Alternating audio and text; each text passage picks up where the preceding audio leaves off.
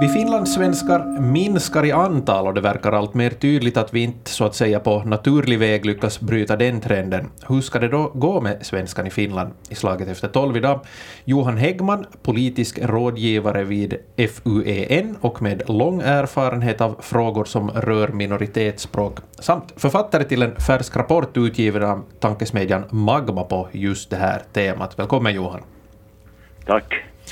Uh, vi har också med oss Marina Lindell, statsvetare och forskare vid Åbo Akademi och håller i den finlandssvenska barometern. Välkommen. Tack. Och eh, så har vi också med oss idag författaren Rosa Meriläinen som är generalsekreterare för kultur och konstområdets centralförbund Kulta och med bakgrund bland annat som riksdagsledamot för Gröna förbundet. Har vi Rosa redan med oss i studion? Vi har alldeles strax med oss Rosa Meriläinen också. Hur som helst, eh, Johan Häggman, eh, du har bred erfarenhet av minoritetsspråk. Jag måste börja med att, att fråga det här FUEN, vad är, vad är det för butik riktigt? Det är en butik eh, som heter egentligen Federal Union of European Nationalities och det är en takorganisation för alla organisationer som jobbar med minoritetsspråk i Europa. De är sammanlagt 105 och, och de är aktiva i 35 länder så att också utanför EU i till exempel västra Balkan, Balkan och, och, och det där i, i östra Europa, också i Ryssland och Ukraina. Precis. Och du har mångårig erfarenhet av att jobba med eh, minoritetsspråk och frågor kring det. Hur skulle du eh, beteckna svenskans läge i Finland just nu? Jag skulle säga att, att det rättsliga läget när det gäller lagstadgade rättigheter så är vi säkert bäst i klassen. Alltså en, jag tror det är få rättigheter, eller få minoriteter i världen som har det så bra juridiskt ställt som, som svenskan i Finland. Uh, svenskan är ett av de två eh, nationalspråken, det är jämbördigt med finskan och man har i princip rätt att använda svenska Eh, med myndigheter överallt och, och, och då på kommunal nivå i alla kommuner där eh, minoritet eller, eller där de, den svenskspråkiga minoriteten är, är 8 procent eller om den sjunker till 6 procent eller är, är 3000 invånare så att regelverket är väldigt bra. Men eh, det jag tycker att det, det ofta brister i implementeringen, det, det vet Marina bättre än mig genom språkbarometern att fast man har en rätt att få service på svenska så fungerar det inte alltid i praktiken utan man måste byta språk och ofta gör man det också automatiskt för att man tänker att det kan uppfattas som en provokation eller för att det, man, man, är rädd för att det ska ta längre tid om man insisterar på att, att tala svenska.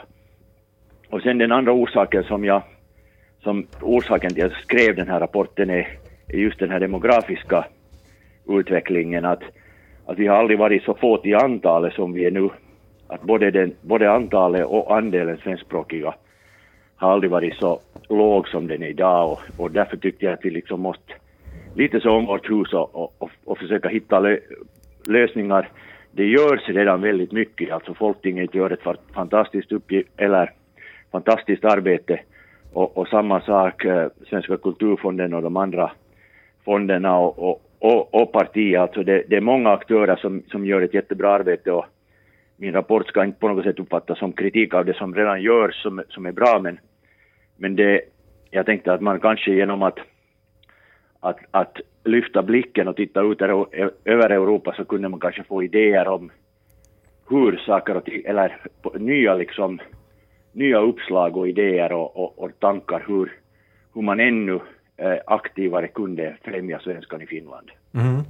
Eh, nu har vi med oss eh, också Rosa Meriläinen. Välkommen Rosa. Tack. Eh, vad, vad betyder svenskan i Finland för dig? Min farmor har varit svenskspråkig så jag har alltid, alltid äh, vetat att, att vi har den svenska Finland också. Men äh, jag kommer från en finskspråkig stad, Tammerfors, och, och från finskspråkig familj. Så det har varit skolsvenskan för mig. Mm. Men, men jag tycker att äh, lära mig äh, nya språk och, och studera och, och, och äh, jag har in, inte haft en särskild attityd emot svenskan. Men naturligtvis, jag vet att, att många, många finskspråkiga har en, en särskild och lite negativ attityd emot uh, skolsvenskan. Och det, det är någonting vi, vi också måste tala om och vara öppen med. Att det är en, en sak i våra samhällen. Mm. Att vi har inte här då enbart liksom det vad vi, vad vi finlandssvenskar själva kan, kan påverka här, utan eh, språkmajoriteten har ett, ett visst ansvar också. Jo, jag tycker att, att eh, det är språkmajoritetens majoritetens ansvar att, att, äh, att tala om det och, och äh, därför att det, det är någonting som är mm, för människorätter också att, att äh, ha inte negativa attityder emot minoriteterna och Finlands äh, svenska är en av dem. Och, um, och sen, uh, jag tycker att det, det, är lite en annan diskussion uh, vad, vad, är, vad, vad skulle vara politiken? Ja. Språkpolitiken. Jag, jag, jag, jag, jag, tycker att den här situationen vi har, har nu är, är ganska bra. Att, att myndigheterna äh, måste, måste äh, äh, ge servis på svenska också, med, med både språk och, och det, det, det är någonting jag, jag är stolt över. Också utomlands när jag talar med, med politikerna och kollegorna från, från andra stater. Att, att, att vi, vi har, vi har en, en bra systemet där Mm. Eh, en, en stor språkminoritet har en stark position. Marina Lindell, det, det brukar sägas att vi har världens bästa språklagstiftning. Men, men. Jag håller med det som Johan sa, att, att även om vi har en bra språklagstiftning så räcker det kanske inte bara med juridiska och formella rättigheter. Eh, för att upprätthålla den här språkliga, eller svenskspråkiga minoritetens ställning. Att vi är också väldigt beroende så, av just välviljan hos majoriteten. Och här ser vi många undersökningar. Eh, vi gjorde en undersökning 2014, Tankesmedjan Nätvo gjorde en undersökning 2017. Och de visar nog alla på det här att majoriteten av finskspråkiga är nog ändå ganska positivt inställda till svenska språket och svenska språkets ställning i Finland. Men just det här som Rosa var inne på, att sen när det kommer till det att lära sig svenska och skolsvenskan, då, då är attityderna ganska negativa. Uh, ser jag då på, den här, på de här undersökningarna som vi har gjort inom Språkbarometern till exempel, så vet vi att, att in, inställningen till svenska språket beror jättemycket på det här att hur bra språkkunskaper har man i svenska har man bra språkkunskaper i svenska har man också en betydligt mer positiv inställning till svenskan. Så det här är någonting som vi borde jobba med att stärka de här svenska kunskaperna. Hur det då ska göras så att fler vill lära sig svenska, det behövs säkert satsas mera på svenska undervisningen i skolorna. Men en annan viktig del också som påverkar den här inställningen till svenska språket är just uh, hur mycket kontakter man har med den andra språkgruppen. Det här visar också forskning från andra länder, hur viktigt det är att man faktiskt har både personliga, men också kanske mer offentliga kontakter med den andra språkgruppen. För det har en jättestor inverkan på hur man uppfattar eh, det andra språket och den andra språkgruppen. Jag tycker att, att äh, vi skulle sänka kraven både på finska och svenska. Det, det, det, det, äh, det känns nyttigare att, att lära sig äh, skolfinska och, och skolsvenska om, om man skulle veta att, att det räcker till. Att skolsvenska och skolfinska räcker till. Och äh, det, det, det är också det kan vara mer, äh, mera realistisk äh, nivån kunskapsnivån. Därför att uh, i framtiden vi ska ha mera och mera uh, hälsovärd och äh, lä läkarna och sånt från utomlands. Så uh, vi, vi måste, måste vara um, jag tycker att det, det, det viktigaste är att uh, vi ähm, um, använder våra skolsvenskan och, och, och börja att tala och, och försöka det bästa, att, att prata och förstå. Och det, det, det måste räcka till. Mm. Vad säger Johan Häggman? Jo, jag, jag håller med er äh, båda, både äh, Marina och Rosa, att, att det, där, det, det viktiga är oftast inställningen, inte sådana formella språkkrav. Att, att det där, till, till exempel nu i välfärdsområdena, du nämnde Rosa, vården, att, att vi kommer att ha en väldig brist på vårdpersonal och blir antagligen tvungna att hitta vårdpersonal utomlands för att klara det. Och att man där inte skulle kräva att alla har utmärkta kunskaper i, i, all, i, i, de, i finska och svenska, utan det, det viktiga är att man kan betjäna på kundens modersmål och att det finns personal som kan betjäna på kundens modersmål. Och i det sammanhanget så är kanske det här exemplet från Sydtyrolen ganska intressant att man har, man kunde också lite modifiera det så att man skulle ha personal i förhållande till efterfrågan. Alltså personal som kan svenska i förhållande till efterfrågan och på samma sätt som kan finska i förhållande till efterfrågan. Att alla behöver inte vara fullständigt tvåspråkiga eller trespråkiga. Och så kunde man ta ett, också från den walesiska modellen, kunde man äh, försöka få in det att det är framförallt de som jobbar med kundservice som måste kunna språken. Att sen kan experter och specialister behöver inte ha avklara språkkrav för att då går man miste om, om förmågor, man skrämmer lätt bort förmågor. Det viktiga är att, att patienten får service på, på modersmålet och jag håller helt med det ni båda sa att oftast är det inställningen som är viktigare än, än att man har avlagt ett språkkrav. Det är många som har klarat det lilla språkprovet i svenska men som har en negativ inställning och då är det liksom ingen vits med det. Och, och det är säkert många som talar gärna och bra svenska men som inte har klarat ett prov. Så att, att, att det, jag, jag håller fullständigt med det som ni båda, det som ni båda sa. Ja, Rosa Meriläinen, du var ju in på, på det, inte bara här utan också i din kolumn i Helsingin Sanomat igår så, så skrev du att många inte vågar använda sin skolsvenska, att språket ska vara mer eller mindre perfekt innan man vågar, vågar tala äh, mm. svenska. Va, vad tror du det beror på? Mm, det, kan, det kan vara också någonting man ser eh, i eliten, till exempel när, när jag var ung riksdagsledamot.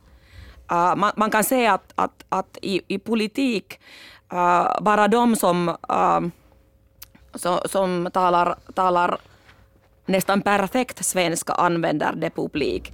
Och, och också för mig när, när, när jag var, var ung riksdagsledamot, jag, jag tyckte att, att det kunde vara så nollo, så pinsamt och, och så, uh, hemskt skam om uh, man, man, man, kan höra att, att jag har bara den, den här Tammerforska skolsvenska jag har. Och, och um, det, det var en, en stor sten att, att över, övergå och jag, jag började även i parlamentet att, att, att, att, ähm, att um, för sjutton jag har skrivit laudator, jag måste, måste gå på radio. Det, det, det, det har, måste ha varit Radio Vega som, som jag har givit min, min första intervju på svenska. Men, men äh, ännu, det känns att äh, jag, jag är en av de... Äh, att, att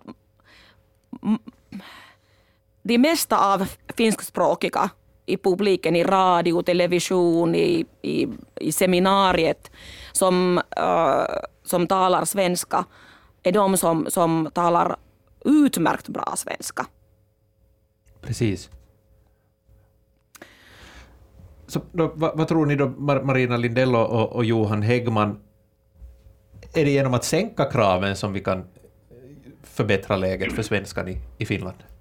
Alltså jag, jag, jag tror det där att, precis som Rosa sa, att våga prata mera, fast man inte kan perfekt. Det är precis samma för, för oss svenskspråkiga när vi ska prata finska.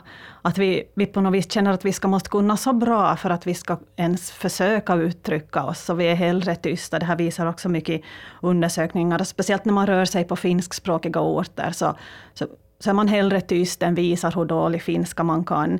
Men om vi nu pratar engelska hur fritt som helst, fast vi kanske nu inte är native speakers på engelska, att vi borde sänka kravet, nu tycker jag på oss själva att, att prata. Och sen i, i Österbotten har vi en ganska fungerande tvåspråkighet på så vis att den som pratar finska pratar finska och den som pratar svenska pratar svenska och man förstår varandra bra. Och det tycker jag också kan fungera i vissa sammanhang.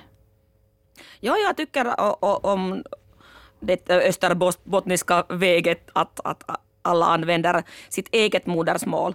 Men äh, också tycker jag det kunde, kunde vara bra att äh, hitta ny, äh, äh, ny väg att, att uh, ha äh, tvåspråkig vardagslivet och, och kulturlivet också som, som kunde vara tvåspråkig.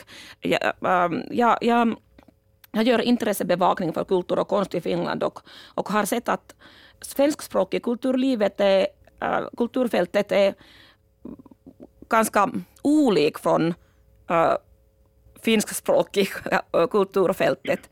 Och jag tycker att vi skulle ha mera och mer, mera äh, gemensam äh, evenemang och, äh, och, och konstverk.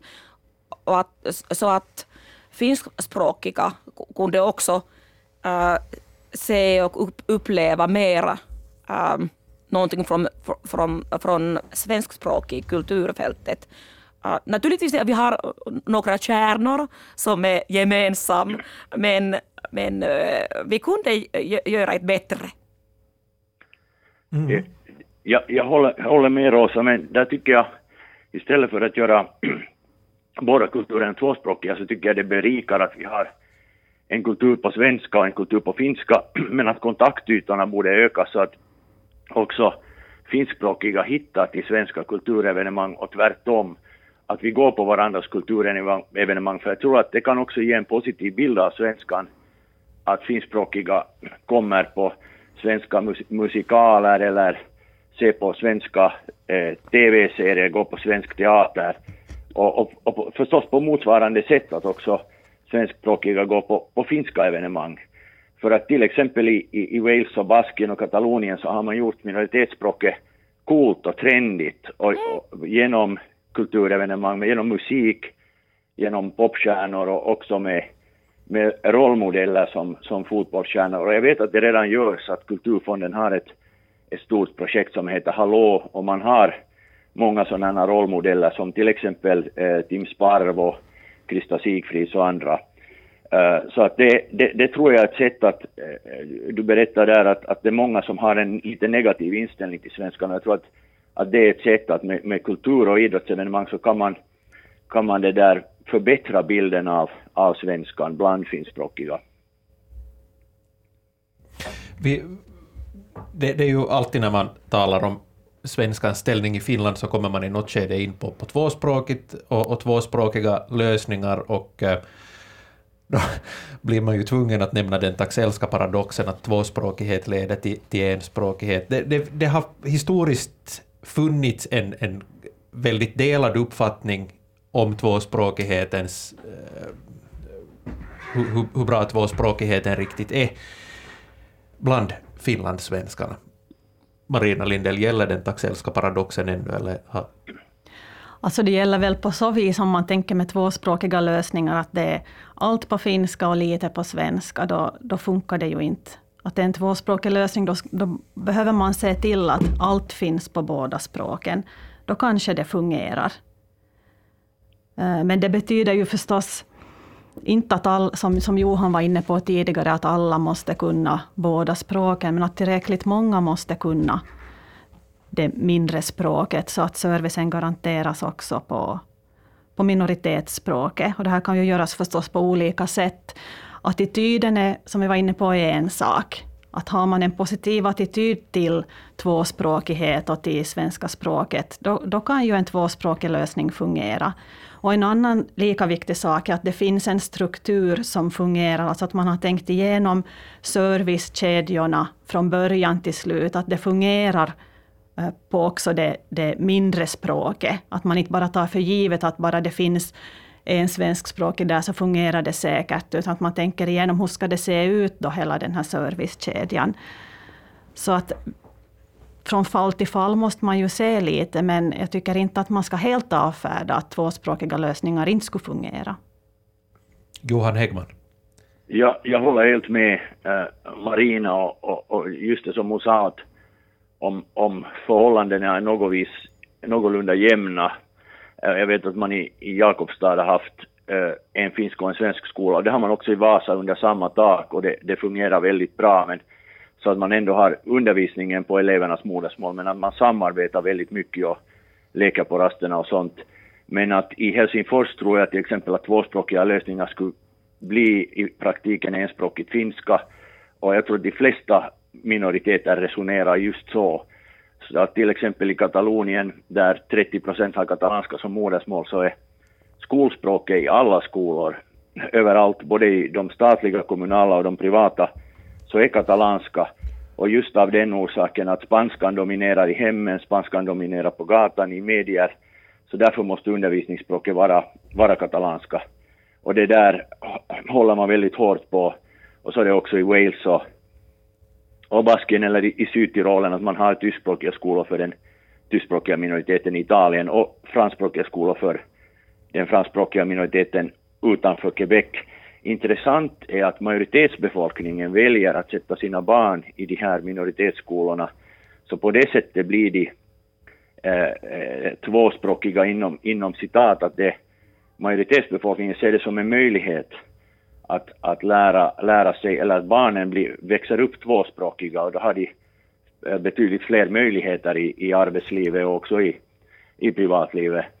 Så att det, det är någonting som vi kunde satsa på. Det, det ser man också på att språkbad, alltså i finska skolor så är de svenska språkbadsklasserna otroligt populära. Det finns till och med ett större, det finns en större efterfrågan på de här språk, svenska språkbadsklasserna eller språkbadsplatserna i, i, i klasserna än, än, än utbudet. Så att, att där, det är också en möjlighet, då skulle vi få ännu fler finskspråkiga som kan flytande svenska och som har en positiv inställning till svenskan och, och som kanske rent av vill, vill registrera sig som svenskspråkiga. Så alltså att vi borde, vi, det borde vi satsa på, men, men jag håller med, som, med Marina om att, att den här eh, taxellska-paradoxen gäller nog fortfarande.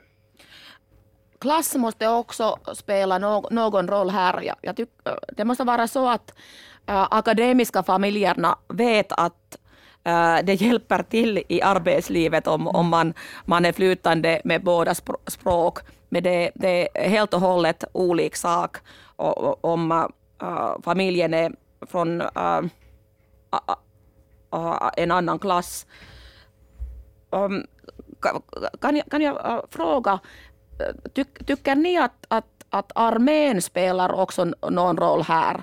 Därför att det känns att, att det finns äh, ungar som går till, finska, finska ungar från, som, som äh, väljer att gå till Dragsvik bara att, att, att lära sig svenska och också äh, svenskspråk, äh, svenskspråkiga äh, som, som väljer no, någon finskspråkig armé.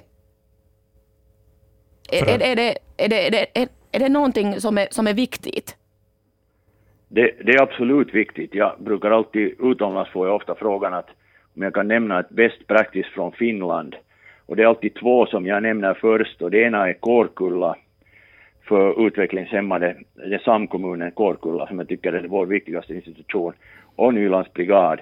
För det är ingen annan minoritet i världen som har, eller vi är ju inte en minoritet utan en, en, en statsbärande folkgrupp som talar det ena av de två nationalspråken. Men, men i alla fall, det finns inte i Belgien och, och det finns inte äh, absolut inte i Spanien att, att man skulle ha en, ett truppförband på till exempel katalanska eller baskiska eller eller, eller på iriska, trots att Irland är ett officiellt språk. Så att jag tycker att Nylands brigad dels har en viktig uppgift så att alla kan göra, alla svenskspråkiga, många enspråkiga i till exempel Österbotten, kan ha, göra en militär karriär och bli officerer. officerare. Och, och sen den andra som du sa, Rosa, så tycker jag att den har en viktig roll för att, att hemskt väldigt många, till exempel Jan Sitonen som nu har grundat det här nätverket Språkambassadörerna och som, som är framgångsrika med att sälja svenskan i finska skolor och har ett, ett nytt koncept för att, att äh, svenskan ska bli populär. Så att äh, han, han bland annat med många tusentals andra så har kommit i kontakt med svenskan via, via Dagsvik. Och på samma sätt så, så är det många svenskspråkiga som inte kan ett ord finska men som efter värnplikten vid ett finskspråkigt truppförband talar flytande finska. Så att, att det, jag håller helt med dig att armén har en, spelar en viktig roll. Ja, jag håller, jag håller också med, för vi behöver fler som pratar svenska i Finland. Så alla sätt är bra. Eh, armén är ett sätt, men också olika typer av hobbyverksamhet. Att barn också går i hobbyverksamhet där det pratas både finska och svenska är också en viktig del. Just för att det skapar inte bara språkkunskaper, men de här kontakterna till den andra språkgruppen som jag tycker är så viktiga att vi skulle få mer av. De, hur ska man då få svenskan mer eh, relevant i de finskspråkigas ögon? Vad säger Rosa Meriläinen? Mm, som, som, som, som jag har sagt, uh, om, om skolsvenskan skulle räcka till, det, det, det kunde eh, uh, känna uh, nyttigare. Därför att, uh, att, att uh, alla kan inte vara uh, så, så flytande. Men, men också det kunde vara bra att, att vi i Finland äh, skulle se hur viktigt nordiskt samarbete är också för, för Finland och vår industri. Att, att kanske man, äh, man som ung vet inte hur, hur, hur mycket vi har kontakt med, med Sverige och andra nordiska länder. Och, och, och nordiska samhället skulle också hjälpa till att öppna ögonen att, att, att hej, det, det, det, det är nyttigt att, att uh, förstå och prata svenska och, och det, det, är intressant och, och det finns uh, um, bra kultur och, och, och, och, arbetsplatser också i, i all, andra nordiska länder. Till exempel jag, jag har varit så, så nöjd med Young Royals, vet du det, som är, som är, uh, som är uh, riktigt populär. Uh, just nu uh, tonåringar uh, tittar på Young Royals. Så, så, så det, det, är någonting att, att, att man ser att, att, att uh, hel nordisk kultur är, är, är någonting för oss och cool och intressant. Jag tror de här språkkraven som ställs när man ska söka offentliga tjänster är också någonting, jag vet att det diskuteras också den här nya nationalspråksstrategin som tas fram. Men just eh, till exempel inom statsförvaltningen när det krävs utmärkta kunskaper i finska av svenskspråkiga för att överhuvudtaget kunna få ett jobb. Och det är väldigt hårda krav. Eh, så blir det väldigt svårt att det är många som blir exkluderade bara på grund av det. Att det blir som det motverkar sitt syfte ibland. Och, och samma ser vi i vissa tvåspråkiga kommuner där svenskan är majoritetsspråk, där det krävs utmärkta kunskaper i svenska och finskspråkiga, att det blir väldigt svårt för dem att kunna få de här jobben, fast de annars är väldigt kompetenta.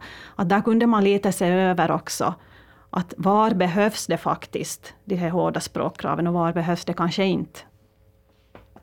Johan Hägg. Ja. Jo, jag håller helt med både, både Rosa, Rosa och, och Marina. Och, och just det här med språkkraven som Marina sa, så där har jag också i, i en Vasabladet-kolumn och nu också i rapporten föreslagit en, en, syd, en modell som man har i Sydtirolen, att man, man anställer eh, enligt, enligt språk.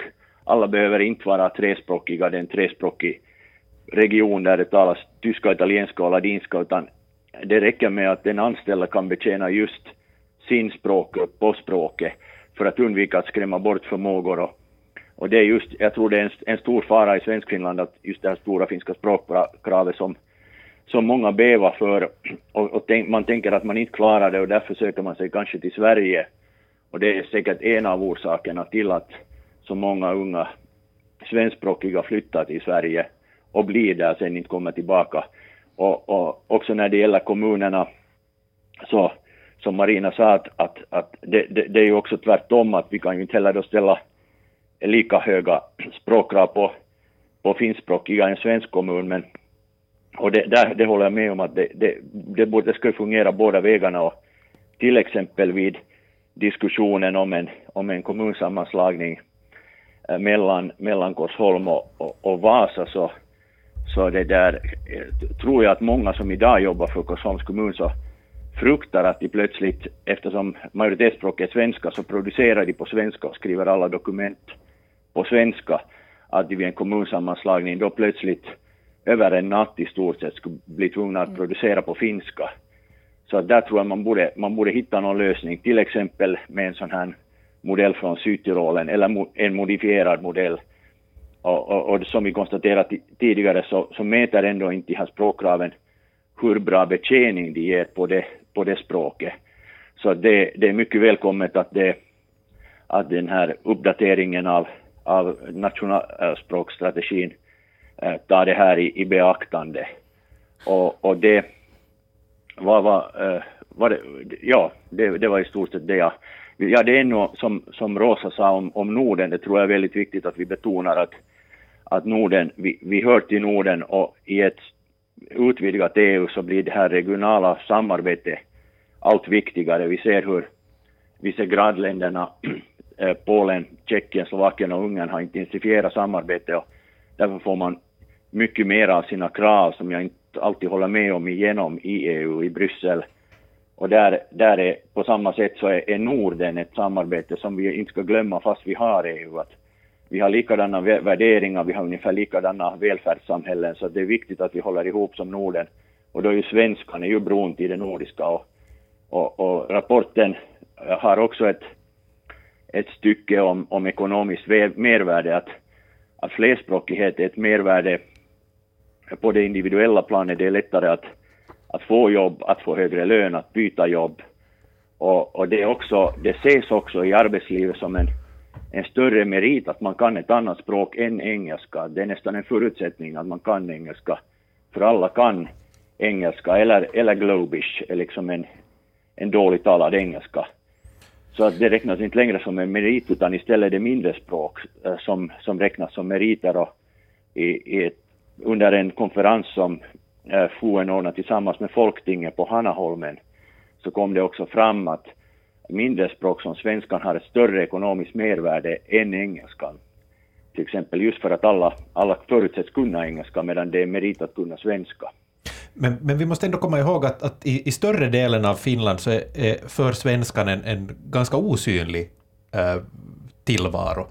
Det är ju egentligen bara i, i de längs eh, syd och eh, västkusten och på, på Åland som, som svenskan syns och, och, och hörs i, i gatubilden. Hur ska man göra svenskan relevant för den stora majoriteten? Rosa Meriläinen. Uh, kanske kultur och television har en, en, äh, spelar en, en stor eh, roll. Men, men också, också arbetslivet. Att att, vi all, alla, i alla, alla eh, del, del, delar i Finland skulle veta och, äh, att, att um, man, man kan e-, efter tio eller tjugo år man kan uh, bo någonstans i Finland eller i Norden när man riktigt behöver den andra språk. Och att, att det, det, det, det är någonting som, som är en realistisk alternativ. Att, att vi kan inte äh, leva hela livet i samma, samma äh, småstaden. Att, att världen är stort och, och från Finland äh, och i Finland äh, den svenskspråkiga realiteten och, och också finskspråkiga realiteten för, för enspråkig svensk minoriteten är, en, en, är någonting att, att man, man, kan inte, man kan inte välta. Mm, undgå. Undvika. Undvika, ja. Johan Häggman. Ja, jag håller helt med, med Rosa att, att det, det, det vidgar vyerna, liksom, det öppnar upp nya möjligheter om man lär sig det andra nationalspråket. Det gäller framför allt för oss svenskspråkiga att vår tillvaro blir väldigt begränsad om vi inte lär oss finska. Men också för de finskspråkiga som, som sades tidigare, eller som Rosa påpekade, med Norden och, och, att man inte heller vet var man kommer att, att, att finnas i framtiden. Att, att man, om man skulle välja bort svenskan i ett tidigt skede så kanske man ångrar det senare i livet när man märker att det gör att, att vissa möjligheter utesluts för att man inte kan svenska. Och där tycker jag Kanada har en bra eh, politik. I Kanada så är de franskspråkiga koncentrerade till Quebec och New Brunswick. Eh, Quebec är enspråkigt fransk och delstaten New Brunswick är tvåspråkig. Men Kanadas eh, språkpolitik går framför allt ut på att främja franskan i de delstater där det inte talas franska. I British Columbia i väster och i präriestaterna i mitten av Kanada, Manitoba och Saskatchewan. Så att, att det, och just med den, med den äh, äh, målsättningen att alla ska åtminstone kunna lite franska så att de inte ska, eh, så att inte ska, man inte gör dem en björntjänst genom att bara lära dem engelska. Mm. Så att därför, det, det, det är viktiga, det, det är målet med, med politiken och så att alla ser att franska är ett officiellt nationalspråk. Det är just det. Uh, vi måste berätta till, uh, för föräldrarna att om, om, om ni vill uh, ge dina ba barn en situation när alla dörrar, dörrarna är öppna, när må, må, måste, måste barn uh, lära sig båda språk? Mm. Marina Linde. Nej, inte har jag mycket att tillägga. Jag, jag håller helt med. Det är väl dels att, att synliggöra den där praktiska nyttan av att kunna det där språket. Det är kanske någonting vi vi behöver de finskspråkigas hjälp med att lyfta fram. Jag tror inte att vi helt kanske, vi svenskspråkiga kan driva den frågan ensam. Sen kan vi ju svensk, vi svenskspråkiga också se lite oss själva i spegeln, att är vi nu kan vi bli lite mer öppna och inkluderande också mot finskspråkiga, för här ser vi nog i många undersökningar att finskspråkiga tycker det är svårt ibland att komma in i den här svenskspråkiga gemenskapen, och det skulle vara viktigt att de känner sig välkomna och på det viset också kanske vill lära sig svenska mera. Tack eh, Marina Lindell från Åbo Akademi, tack också till eh, Rosa Meriläinen, eh, generalsekreterare för kultur och konstområdets centralförbund Kulta, och tack till Johan Häggman, politisk rådgivare vid FUEN. Ni har lyssnat på Slaget efter tolv och mitt namn är Filip Sten.